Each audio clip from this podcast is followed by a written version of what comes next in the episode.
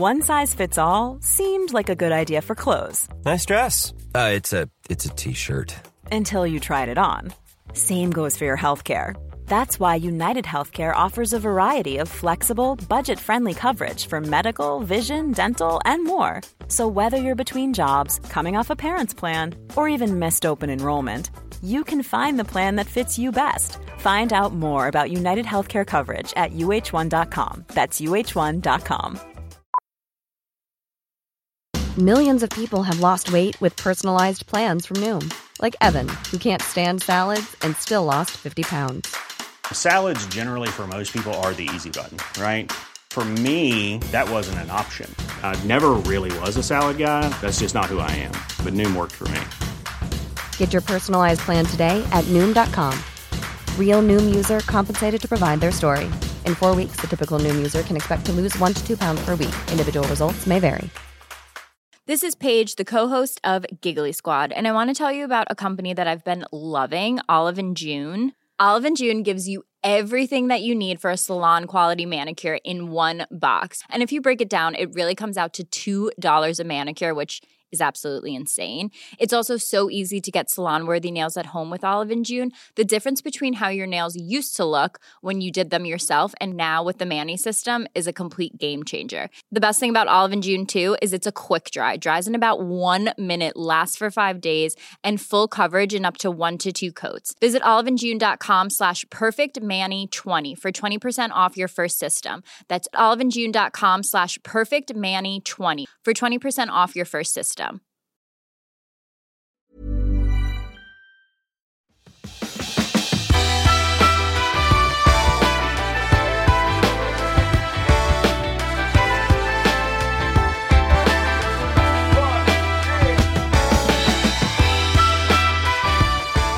Hej och välkommen till Klimakteriepodden med mig, Åsa Melin. Jag får så ofta meddelanden och mejl från er lyssnare som är besvikna på bemötandet i vården. Och många, många gånger upplever man att besöket hafsas igenom, att man går därifrån med ett recept på något man inte riktigt förstår vad det är eller hur det ska tas. Och det är inte ovanligt att jag också får frågor om medicinering och doseringar. Och jag vill verkligen poängtera att hur gärna jag än vill hjälpa och eh, stötta i det här och många gånger faktiskt kan kanske guida rätt så är jag inte medicinskt skolad och kan inte ge den typen av råd eller rekommendationer. Och jag vet ju inte heller vem du är som ställer frågan och hur din allmänna hälsa eller mående ser ut. Och ingen kvinna bör heller ta råd från en annan eftersom vi har så olika utgångspunkter och förutsättningar. Alltså måste man ha ett samtal med en läkare kring eventuell hormonbehandling eller andra mediciner. Och har man inte förstått vad läkaren sa så får man gå tillbaka eller se till att man får ett kompletterande besök eller uppföljning på telefon. I avsnitt 248 med Naomi Flamholk och eh, avsnitt 233 med Natalia Cruz så besvaras väldigt många frågor som är återkommande om just hormonbehandling. Lyssna gärna tillbaka på dem. I det här avsnittet så ska vi höra vad en gynekolog kanske också borde vara bättre på, nämligen att lyssna på hela situationen och ta in den större bilden. För det är mycket som händer i oss med och kring klimakteriet. Så välkommen att lyssna!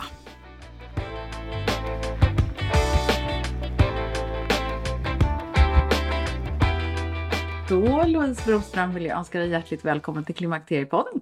Tack Åsa, det var jätteroligt att få vara med. Ja, du har arbetat som gynekolog i 30 år. Mm. Och eh, jobbat i öppenvård i drygt 20 år med mottagning och träffat eh, många kvinnor under den tiden. Och just klimakteriet är någonting som har blivit ganska frekvent återkommande för dig. Berätta. Ja, alltså det har nog vuxit fram mer och mer i och med att jag själv eh, tycker att det är intressant och, och fint att möta kvinnor i den här åldern när det börjar hända saker eh, igen, eh, förändras med åldern. Och jag har haft väldigt många fina möten och jag tror många av patienterna har upplevt det som positivt och vill gärna komma tillbaka och har även rekommenderat vänner att komma till mig och så har det blivit så mer och mer att jag har haft många kvinnor i just klimakteriet eller för klimakteriet och, och även eh, kvinnor med PMS och sådär. Så att eh, ja, det har nog bara fallit sig naturligt på något vis att det har utvecklat sig till det. Och, och, när du själv eh, kom i klimakteriet, blev det ännu mer liksom spännande att möta det här? Eller förändrades din syn på, eh, på kvinnan i klimakteriet och hur du har behandlat dem i ja, ditt eget? Absolut, det har det ju gjort. För det blir ju lättare att identifiera sig med eh, en människa som man känner igen sig i. Och samtidigt så är det viktigt att ändå vara professionell i mötet och och så. Men, men givetvis så hjälper det mig eh, att hjälpa henne. Ja. När jag kan förstå henne lite bättre. Mm, så är det. Ja. Mm. Jag, jag, jag, måste ju själv säga att nu liksom eh, när jag själv också förstår mycket mer om klimakteriet så blir det ju spännande. Men det jag tycker är nästan det mest spännande som jag inte hade förstått, det har jag sagt många gånger i podden, var hur otroligt olika vi är. Och det måste ju du också se, mm. eller hur? Mm. Jo, det är väl det som också är eh, spännande och, och en utmaning att, att vi alla är så olika och eh, har olika bakgrund och, och olika bagage med oss i vårt liv. Eh, så att eh, det gör ju också att vi hanterar eh, klimakteriet olika. Mm. Och sen självklart så är det ju rent genetiskt hur vi är skapta och hur vi hanterar den här känslan av att kroppen förändras. Så där vet vi ju idag att det är ju ungefär sju av tio kvinnor som, som eh, märker av att de kommer in i klimakteriet men av dem så är det 30 procent ungefär som söker vård och får eh, behandling med då östrogen. Um, så det är ju långt ifrån alla som har så pass besvärligt att de får behandling. Mm.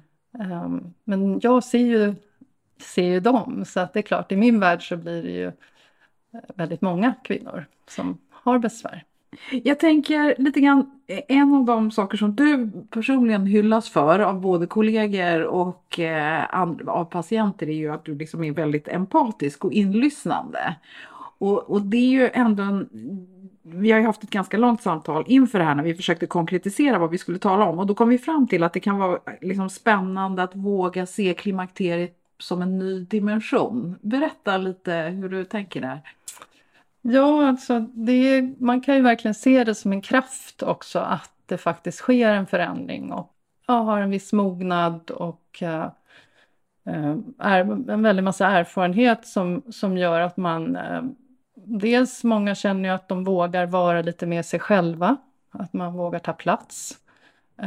Men, men det är ju det här också som kan vara besvärligt för att man också kan känna sig mycket mer sårbar Eh, få en känsla av att självförtroendet vacklar och eh, det hänger ju sannolikt ihop med också de här fysiska besvären, att man kanske sover sämre eh, och därför också blir tröttare och svårare och jobbigare att orka med sin vardag. Och det här med svettningarna inte minst, att det kan kännas ganska jobbigt att stå inför en grupp och bli alldeles röd i ansiktet och svettig som, som på något vis eh, kan man ju, när man, från när man var ung och blev generad och röd i ansiktet så tyckte man ju det var jättepinsamt. Och så kommer det här, här liksom tillbaka lite grann fastän man, man såklart inte är generad. Men, men det blir liksom att det spär på kanske lite det här med självförtroendet. Många söker ju för att de eh, känner just att de inte mår riktigt bra. Att de eh, inte riktigt mäktar med sin vardag. Att de inte tycker att de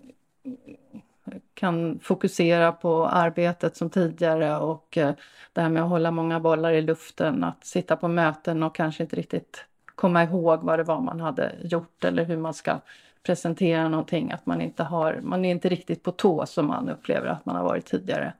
Och det här eh, kan ju liksom spä på det här dåliga självförtroendet. Nej men jag förstår, för, för jag känner ju själv igen det här, för att komma tillbaka till det här med att vara generad, då blir man ju också generad och sen så börjar man undvika situationer för att man känner att det blir för besvärligt. Man vill inte gå ut på den där plankan och då börjar man kanske dra sig tillbaka. Mm. Jo men det är ju precis vad många känner, att de inte riktigt eh, orkar med att träffa människor, att man eh, inte riktigt vill eh, gå ut på, vad heter det, gå på bio eller eh, gå på teater med sina vänner eller man tycker att det är jobbigt och, och, och, just när man känner att man inte riktigt är den man känner igen, alltså den som man har varit. Mm. Och, och det här hanterar vi ju som sagt på olika sätt och där, där är det ju så att östrogenet ändå hjälper väldigt mycket för att få tillbaka liksom, lite känslan av eh, att vara sig själv igen. Men sen, eh, sen är det ju som sagt mycket det här med att, som jag tror är viktigt också, att man orkar titta lite på vad man har med sig som sagt i bagaget och att det också spelar roll i hur man hanterar eh, sin situation. För du säger lite grann så här att man inte känner igen sig själv och sen hjälper östrogenet en. Men är det meningen att vi ska vara den gamla? Är det inte det som är lite häftigt med klimakteriet ändå? Att man liksom på något sätt får chansen att bli någon annan eller att det är en mening med det? Jo, alltså, absolut. Och det är väl det jag tror många känner en styrka i, att man faktiskt får en ny kraft, en, en ett nytt mod att eh, just våga vara sig själv.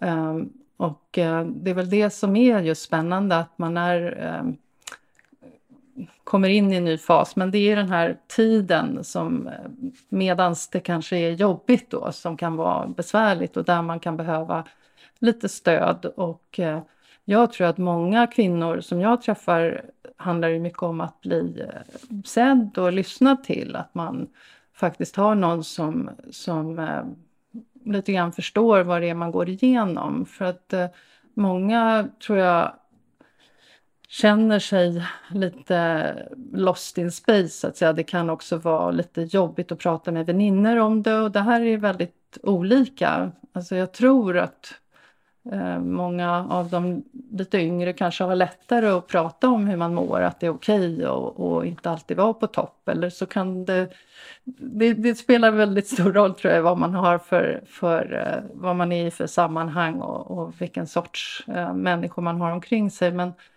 för, för, där tänker jag också, mycket handlar ju om att om man inte riktigt vet vem man är och inte riktigt känner igen sig själv och faktiskt har chansen att liksom gå någon annanstans så är det ju ett fint tillfälle.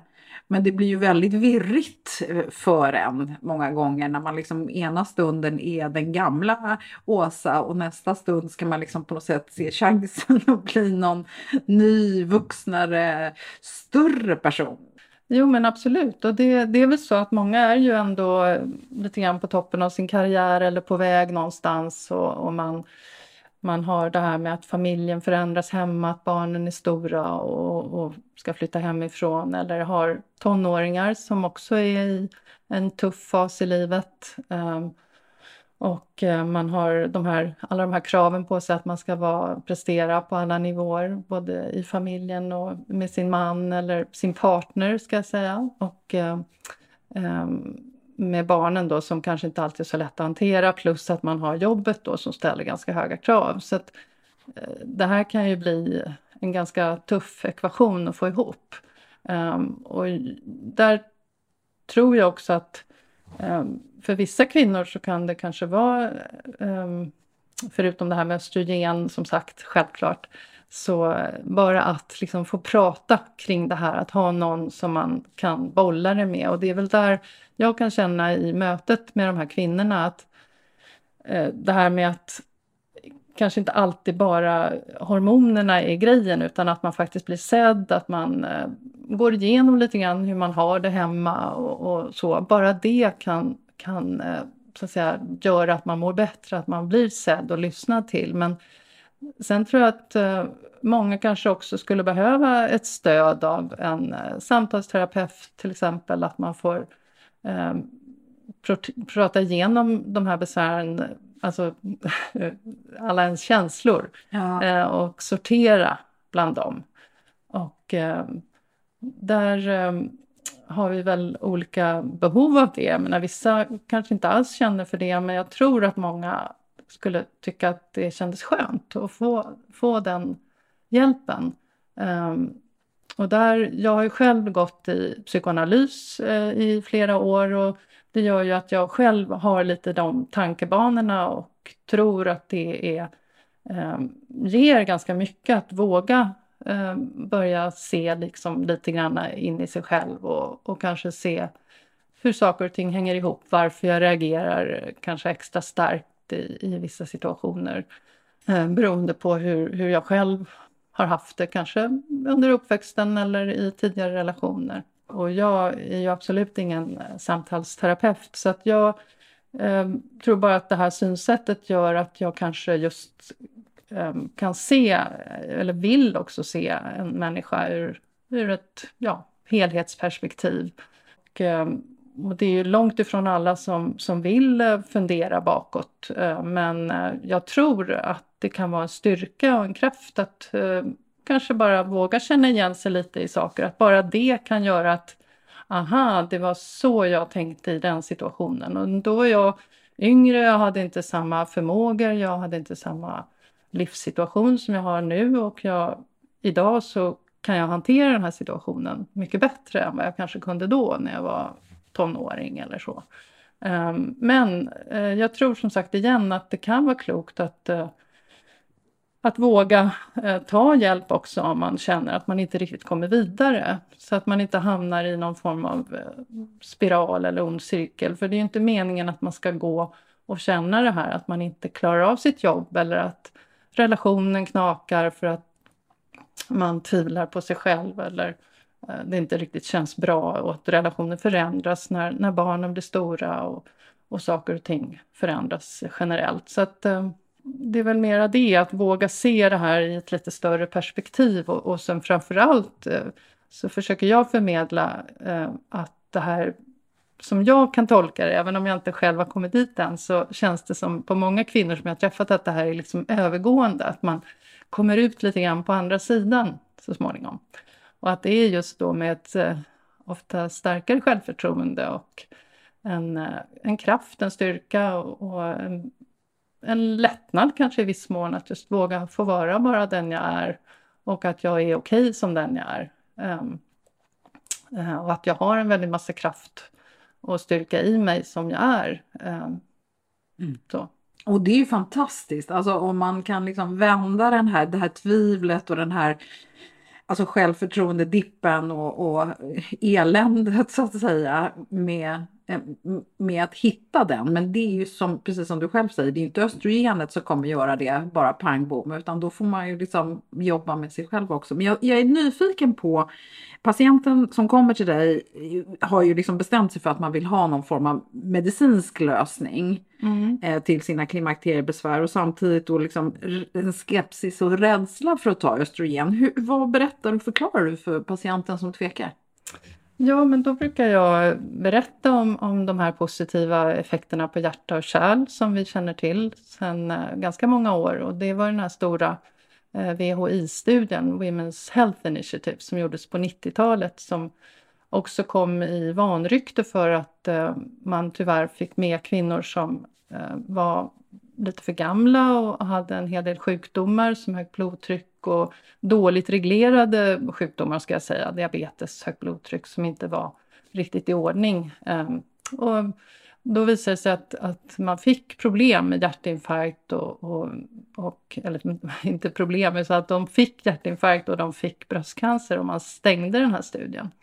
Sen så tog det väldigt många år att kan man säga rensa i studien, försöka få fram de kvinnor som faktiskt hade mått bra av östrogen, eh, som man inkluderar på rätt sätt, så att säga, som är i rätt ålder och som, som har väg, välreglerat blodtryck, diabetes och inte alltför överviktiga. Och då visar det sig, när man hade följt ett antal kvinnor i ungefär sju år, eh, som hade tagit östrogen och sen också följt dem i 18 år, så, så såg man att de kvinnorna faktiskt var friskare och levde längre. Och då har man ju just tolkat det som att det är den här positiva effekten på hjärta-kärl. För vi vet att hälften av oss, både män och kvinnor, dör i, i hjärt-kärlsjukdom.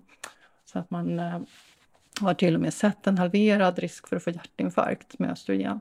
Så att östrogenet skyddar våra blodkärl. Och det är väl det som jag tror är viktigast att förmedla. Um, till kvinnan som tvekar. Och eh, där är de flesta är ju givetvis rädda för, för bröstcancerrisken och där vet vi ju att det är en ökad risk för bröstcancer. Efter fem år så ökar risken med ja, cirka ett och ett halvt, en och en halv procent. Ja, och en och en halv procent på en, det är ju inte på hela populationen utan det är ju då, det, ju, det här med statistik är ju alltid ja. farligt att vrida och vända på. Precis. Men jag, där kan inte jag, jag är ingen statistiker så, så att, eh, men, men det är fortfarande så att när du ser uh, overall, när du tittar på den här, de här kvinnorna som jag just hänvisade till där i VUI-studien, det var, man hade tittat på en grupp mellan, det här är ju länge sedan, 93 och 99 någonting sånt.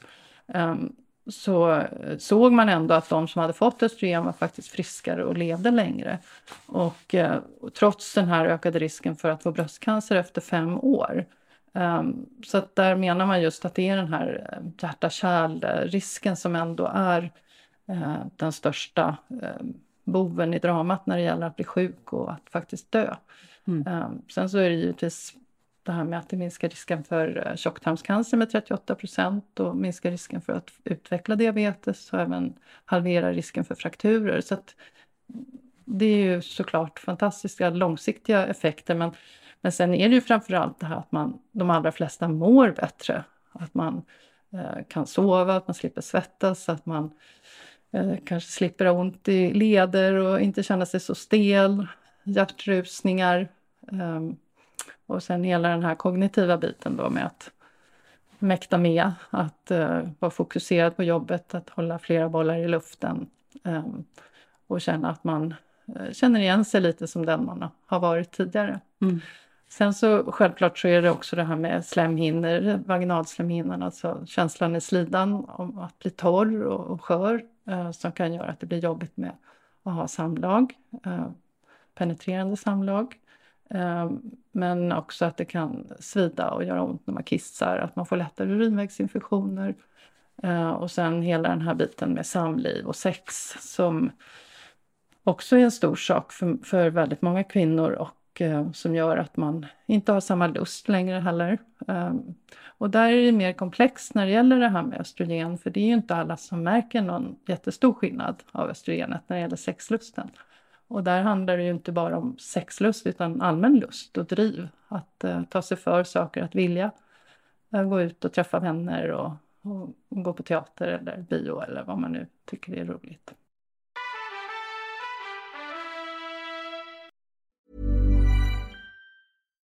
One size fits all seems like a good idea for clothes until you try them on. Same goes for healthcare. That's why United Healthcare offers flexible, budget friendly coverage for medical, vision, dental, and more. Learn more at uh1.com. When you're ready to pop the question, the last thing you want to do is second guess the ring. At Bluenile.com, you can design a one of a kind ring with the ease and convenience of shopping online. Choose your diamond and setting. When you find the one, you'll get it delivered right to your door. Go to Bluenile.com and use promo code LISTEN to get $50 off your purchase of $500 or more. That's code LISTEN at Bluenile.com for $50 off your purchase. Bluenile.com code LISTEN.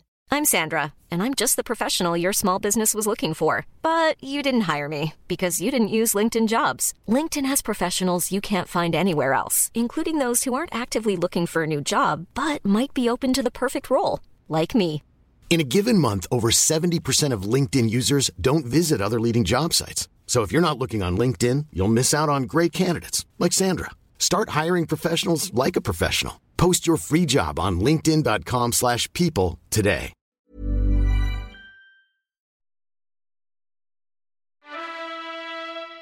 Där tror jag väl kanske att mycket av det här som vi pratade om tidigare med, med eh, hur man är som person och att det är det som också eh, kanske slår igenom lite grann hur man liksom reagerar i klimakteriet.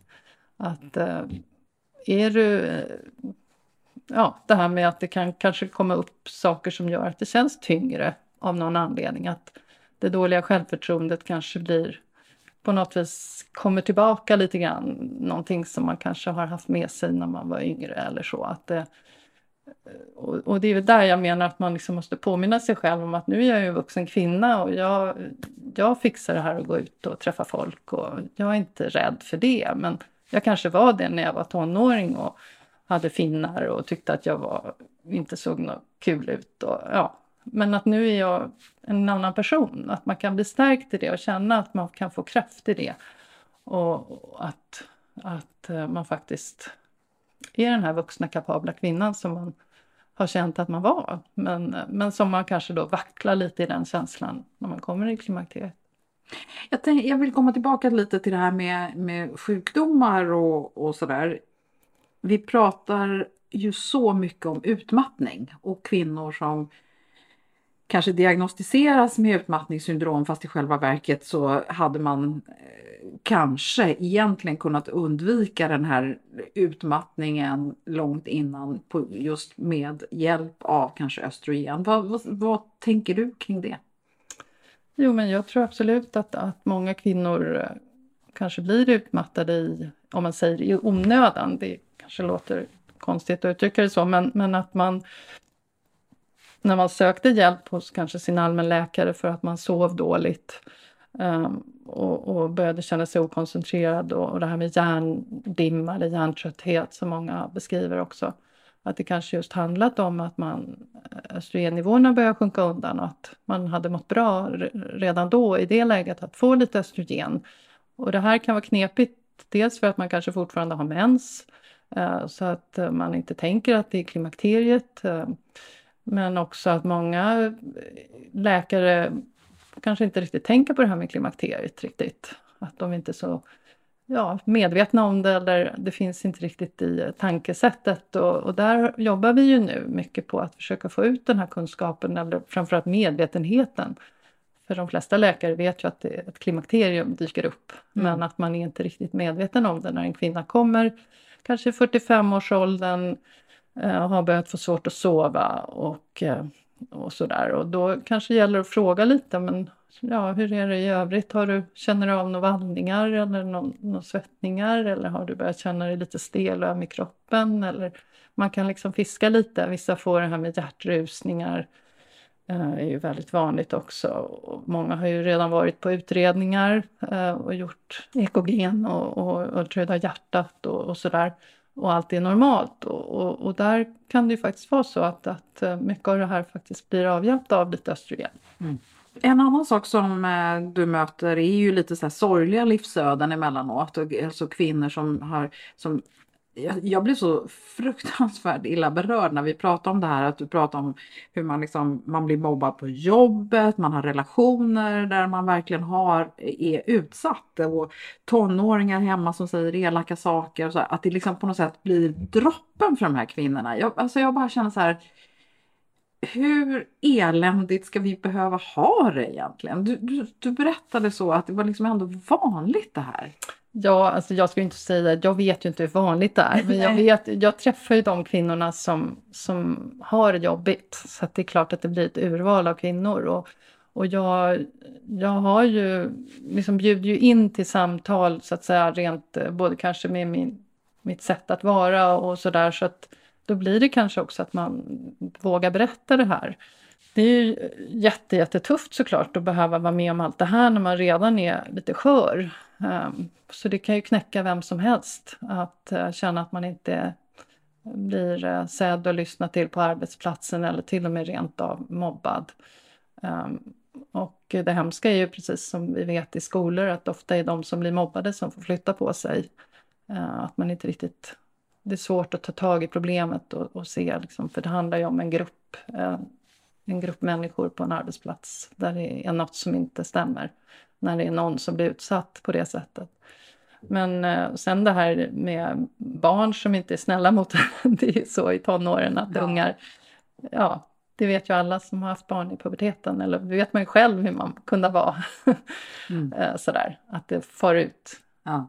Nej, inte så man snälla liksom saker. är lite sårbar där. Mm. På tal om det då, vad kan du ge för råd till den som, som lyssnar som känner igen sig och har fått det här medicinska ändå på plats och de, är, och de fysiska symptomen är under kontroll men man känner sig ändå inte mentalt bra. Du nämnde tidigare att du tycker ändå att det här med att gå till en terapeut kan eh, eh, kan vara någonting. Men jag tänker, du, du sa det så fint också med att man ska våga se livet lite som en process. Att man inte fastnar i det här klimakteriet och tittar för mycket på sig själv. Och... Mm, precis, Nej, men det är ju verkligen en balansgång för det gäller ju att inte göra det här till en, eh, vad ska man säga, någon form av eh, beroendesituation, alltså att man själv blir eh, eh svårt att uttrycka det, för det är ju jobbigt. Det är ju jätte, jättetufft att vara, ha det så här de här åren som är jobbiga. Men jag tror också som sagt att man måste hitta en, en så att säga, copingstrategi. Alltså man måste försöka hitta ett sätt att, att, att, komma ur det. Och det kan kännas jättetufft för dem som är verkligen i situationer där man upplever sig som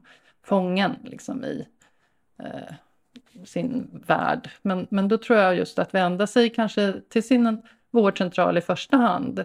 Eller om man träffar en gynekolog, eh, att man tar upp det här och ber om en remiss. Eh, ofta är det ju vårdcentralerna i första hand som, som kan bidra med kuratorer och psykologhjälp. Eh, men jag tror inte man, man ska absolut inte vara rädd för att göra det, att söka den professionella hjälpen. För att ibland så, även om man har vänner och en förstående partner och så, så, så kan det bli väldigt eh, belastande och tungt att gå med det här en längre tid. Vi har ju mycket nu i vårt samhälle det här att vi ska vara så på topp och, och vi ska prestera som sagt på alla nivåer. Så att eh, vi har ju släppt, tappat lite det här med att våga prata om att man kanske mår lite dåligt, att det är liksom ett dåligt, eh, dåligt att ha i sitt CV om man säger så. Alltså att man ska det är ju väldigt mycket quick fix idag, att man ska lösa problemet själv via KBT-terapi på nätet eller eh, man ska på något sätt, ja eller medicinera då med antidepressiva eller sömnmedel. Så att, det där tycker jag är, känns som en tråkig utveckling för det känns som att vi eh, lite grann ytandas. Alltså det här att våga stanna upp och ta ett djupt andetag och våga se eh, lite djupare kring problem. Det är ju så att säga lite omodernt idag. Det mm. finns inte riktigt tid till det. Nej. och, och, det är det här jag tror vi människor, många av oss eh, eh, mår inte riktigt bra av det här. Och, och man kan ju undra liksom rent eh, tidshistoriskt, alltså men, mänskligt, hur, är vi ju inte riktigt skapta för att leva i det här tempot. Eh, och jag tror ju att vi alla skulle må bra av att få stanna upp lite grann och, och ta de där djupa andetagen och, och faktiskt våga prata lite kring hur vi mår. Eh, vi berörde sexlivet här tidigare. Eh, jag vet att väldigt många kvinnor, du jobbar ju både kliniskt och möter kvinnor face to face så att säga och så jobbar du ju även digitalt på Vomni och möter kvinnor på det digitala och då gör man ju en, en sån här självskattningstest innan och då kommer det här med sexlivet kommer ju nästan alltid upp som en, ett inte nödvändigtvis ett problem, men att man känner att man inte har sexlust. Och jag är väldigt kluven till det där, för jag tycker liksom å ena sidan så tycker inte jag att man ska lasta det på kvinnan också. Att nu, fasen jag har ingen lust, måste jag fixa det också? Kan jag inte bara få vara i fred? Hur, mm. hur tänker du där? Jo men alltså det är också så individuellt, för vissa kvinnor känner ju verkligen så att leave me alone, jag, jag vill inte ha sex. Men sen finns det ju väldigt många som också vill ha sex och eh, är ledsna för att det inte funkar och, och känner i relationen till partnern att det är en brist eller en saknad ska vi säga. Mm.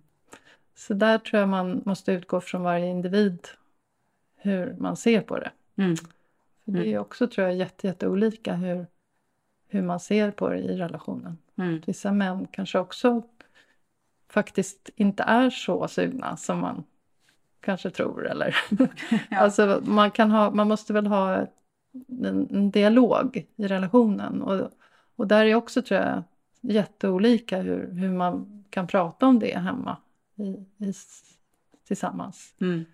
Och, och, om du ska ge något råd då för den som vill men inte liksom har hittat det och som liksom känner att oh, det är så långt bort men jag skulle vilja få tag på det igen. Ja, nej men där finns det ju faktiskt sexterapeuter. Som till exempel på Vomni har vi en sexterapeut som är jätteduktig och erfaren. Så att man kan faktiskt uh, få uh, hjälp och råd och tips med par uh, där även partnern är med i det. sen finns det givetvis Eh, liksom sexleksaker som om det kallas leksaker, vet jag inte om jag håller med om det, men det kallas för det i alla fall. Eh, så att man kan hitta kanske själv, hitta lite sin egen, tillbaka till en egen sexualitet om man, man vill det och känner att det känns viktigt. Man, man kanske även ihop med sin partner kan, kan hitta liksom tillbaka till någon form av sexliv. Och det behöver ju inte alltid vara penetrerande samlag utan det är ju mycket bara det här med närhet och, och man får, hittar, tror jag, en, en ny sorts eh, sexualitet också. För det är väl det som också är väldigt spännande i klimakteriet att, att det här med närhet, in, innerlighet blir viktigare.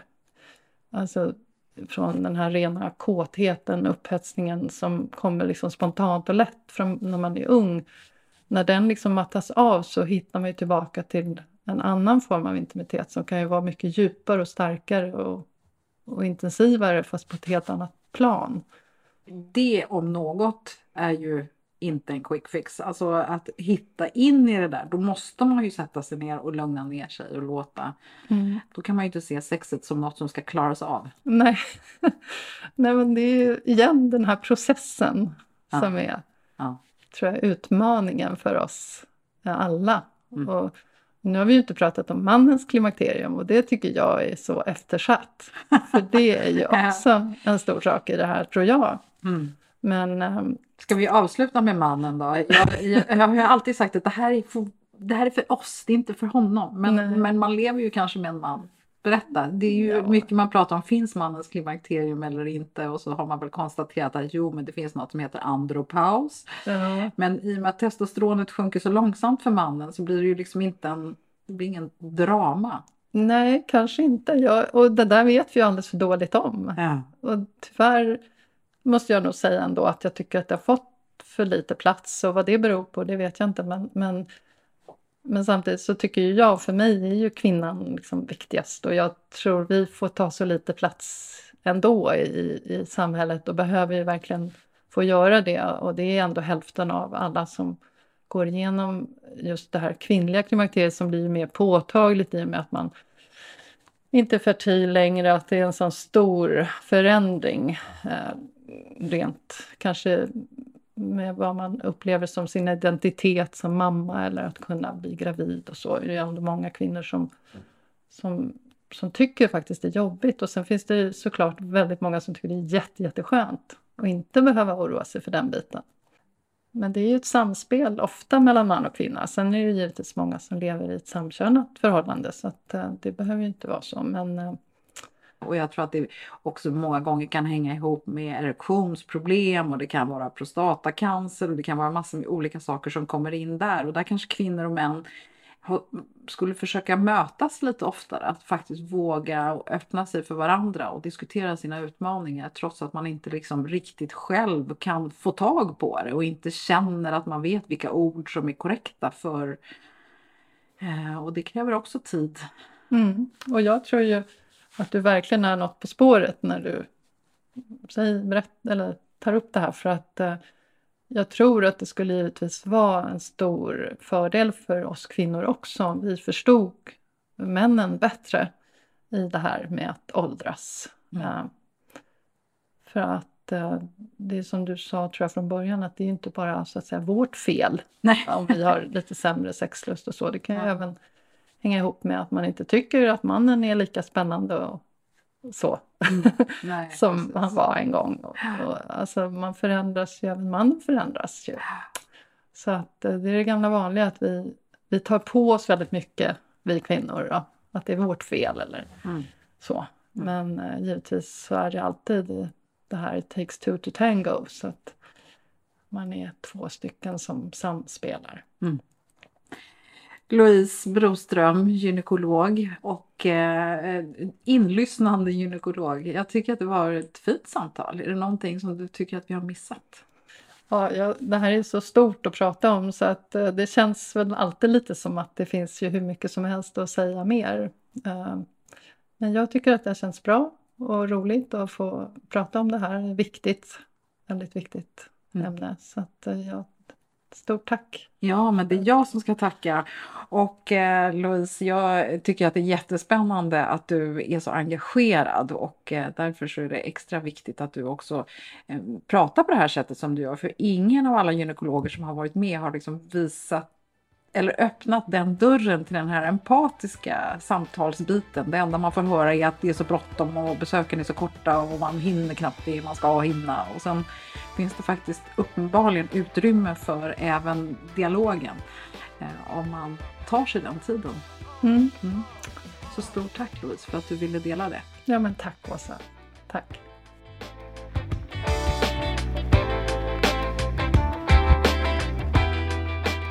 Ja, gynekologer och läkare är lika olika som vi är resten av oss vanliga människor. Kanske inte jättekonstigt. Men det gör det ju inte lättare att hitta rätt som patient. Louise Broström jobbar för närvarande dels fysiskt på Nacka sjukhus och hon jobbar digitalt på Vomni hjärtat.se.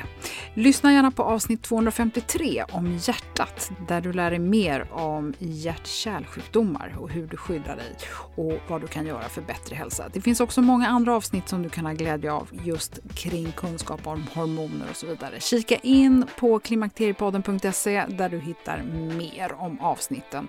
Eller så gå till Klimakteriepoddens Instagram-sida. Jag vill också rekommendera avsnitt 162 som heter Lust och kroppskärlek med Hanna Möllås. I nästa avsnitt så ska vi lära oss mer om bland annat benskörhet.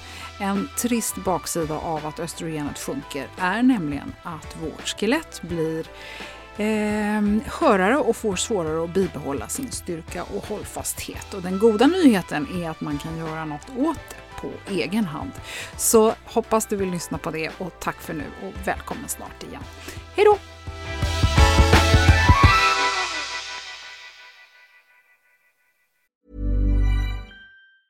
Mom deserves the best and there's no better place to shop for Mother's Day than Whole Foods Market. They're your destination for unbeatable savings, from premium gifts to show-stopping flowers and irresistible desserts. Start by saving 33% with Prime on all body care and candles. Then get a 15-stem bunch of tulips for just $9.99 each with Prime. Round out Mom's menu with festive rosé, irresistible berry chantilly cake, and more special treats. Come celebrate Mother's Day at Whole Foods Market. Hi, I'm Daniel, founder of Pretty Litter. Did you know cats tend to hide symptoms of sickness and pain? I learned this the hard way after losing my cat, Gingy. So I created Pretty Litter, a health monitoring litter that helps detect early signs of illness by changing colors, saving you money and potentially your cat's life. Pretty Litter is veterinarian developed, and it's the easiest way to keep tabs on your fur baby's health right at home. Go to prettylitter.com and use code ACAST for 20% off your first order and a free cat toy. Terms and conditions apply. See site for details.